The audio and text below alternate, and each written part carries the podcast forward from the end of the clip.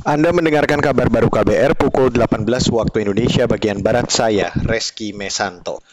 Saudara Komisi DPR Bidang Luar Negeri meminta pemerintah meningkatkan pengawasan dan perlindungan terhadap para pekerja migran Indonesia.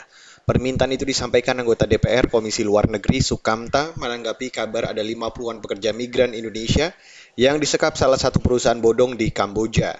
Dalam keterangan tertulisnya, Sukamta meminta pemerintah serius melindungi para pekerja migran Indonesia. Setiap tahun ada 8 juta pekerja migran Indonesia yang mengirimkan remitansi atau pengiriman uang dari luar negeri ke Indonesia lebih dari 160 triliun rupiah.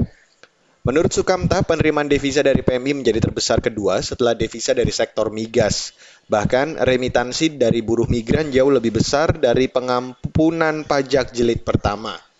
Kementerian Luar Negeri Indonesia mengklaim KBRI di Kamboja sudah menghubungi kepolisian setempat untuk minta bantuan pembebasan para WNI itu.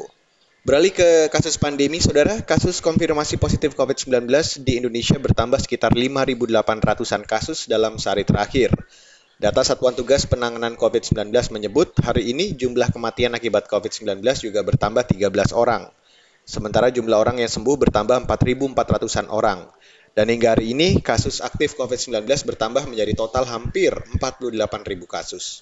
Saudara Pusat Vulkanologi dan Mitigasi Bencana Geologi atau PVMBG mencatat masih ada aktivitas kegempaan di Gunung Raung, Jawa Timur. Kepala Pos Pengamatan Gunung Api Raung, Mukijo, mengatakan ada dinamika magma di permukaan kawah Gunung Raung. PVMBG telah menaikkan status Gunung Raung dari level normal menjadi level waspada usai erupsi pada Rabu lalu. Secara umum sih datanya belum stabil ya, masih hmm Oh, tidak ada kalau vulkanik tidak ada. Kalau hmm. secara visual sih tidak terlihat. Tapi hmm. lebih ke ini uh, dari kegempaan sismiknya memang masih fluktuatif. Fluktuatif naik turun. Rekomendasi dari PVMBG sih intinya radius 3 km untuk tidak ada aktivitas.